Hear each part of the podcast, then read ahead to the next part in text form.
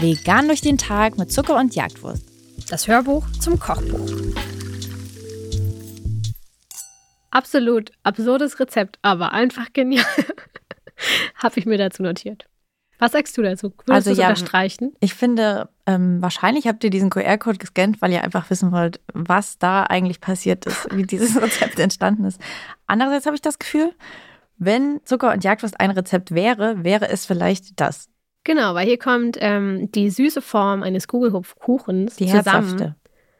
Ach so, das kommt mit noch weiter. Ah. einer herzhaften Masse. Und dadurch schließt sich süß und herzhaft Zucker und Jagdwurst. Ähm, hier geht alles Hand in Hand. Ähm, ja, es ist ein bisschen absurd, finde ich schon. Also so einen ähm, herzhaften Frühstücks-Kugelhupf zu backen, da kommt man jetzt nicht täglich drauf, würde ich mal schätzen. Er war Teil unserer Frühstückswoche auf dem Blog. Und ich Ja. glaube, genau so ist er auch entstanden, dass wir ein paar Basic-Rezepte hatten und dann dachten, man braucht mal irgendwie was Neues auf dem Frühstückstisch.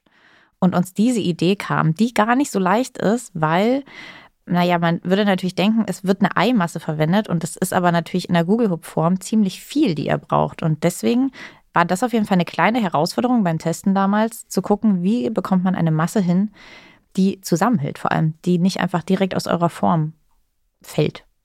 Genau, also im Endeffekt bringt dieser Gugelhupf ja ganz viele Klassiker vom Frühstückstisch zusammen. Wir machen uns zuerst eine Eimasse aus Kichererbsenmehl, aus Seidentofu, aus pflanzlicher Milch, aus Gewürzen. Hier auch wieder unser Kalanamak, was den Eigeschmack reinbringt.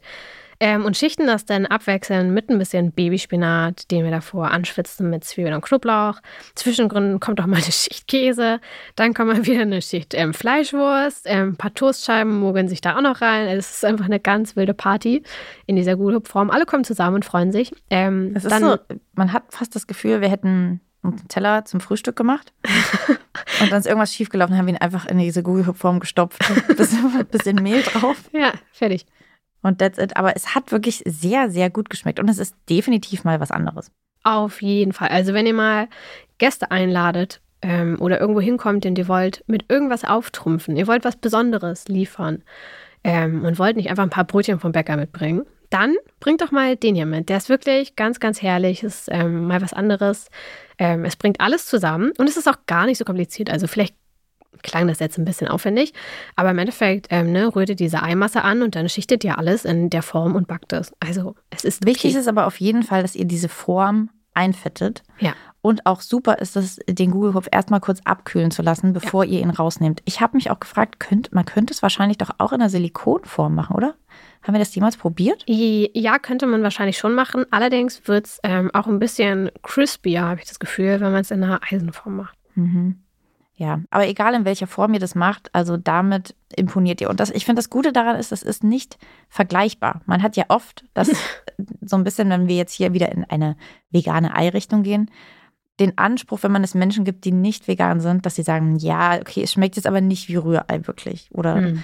das ist jetzt aber nicht so ganz wie Omelette normalerweise ist. Aber wahrscheinlich haben wenig Leute bisher einen herzhaften Frühstücksgugelhupf gegessen. Deswegen kann euch niemand was. Der soll Absolut genau korrekt. so schmecken. Und wenn ihr nur eine Muffinform zu Hause habt, dann könnt ihr natürlich diese Masse auch dort drin backen und habt dann einfach kleine, herzhafte ähm, vegane äh, Muffins. Auch das geht. Und wenn euch alles zerfällt, dann zerhackt es einfach in eine Zwiebel. Wow.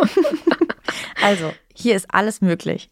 Richtig. Und wenn jemand Geburtstag habt, dann macht ihr da oben noch ein paar Geburtstagskerzen drauf. Fertig. Also es ist wirklich, Warum ist der eigentlich nicht im Kuchenkapitel? naja, da kommen wir später zu. Viel Spaß damit ähm, und viel Spaß bei der Erklärung, wenn ihr die ganzen fragenden Blicke seht am Frühstückstisch, was das jetzt soll. ähm, steht dahinter, das ist wirklich ein klasse Rezept.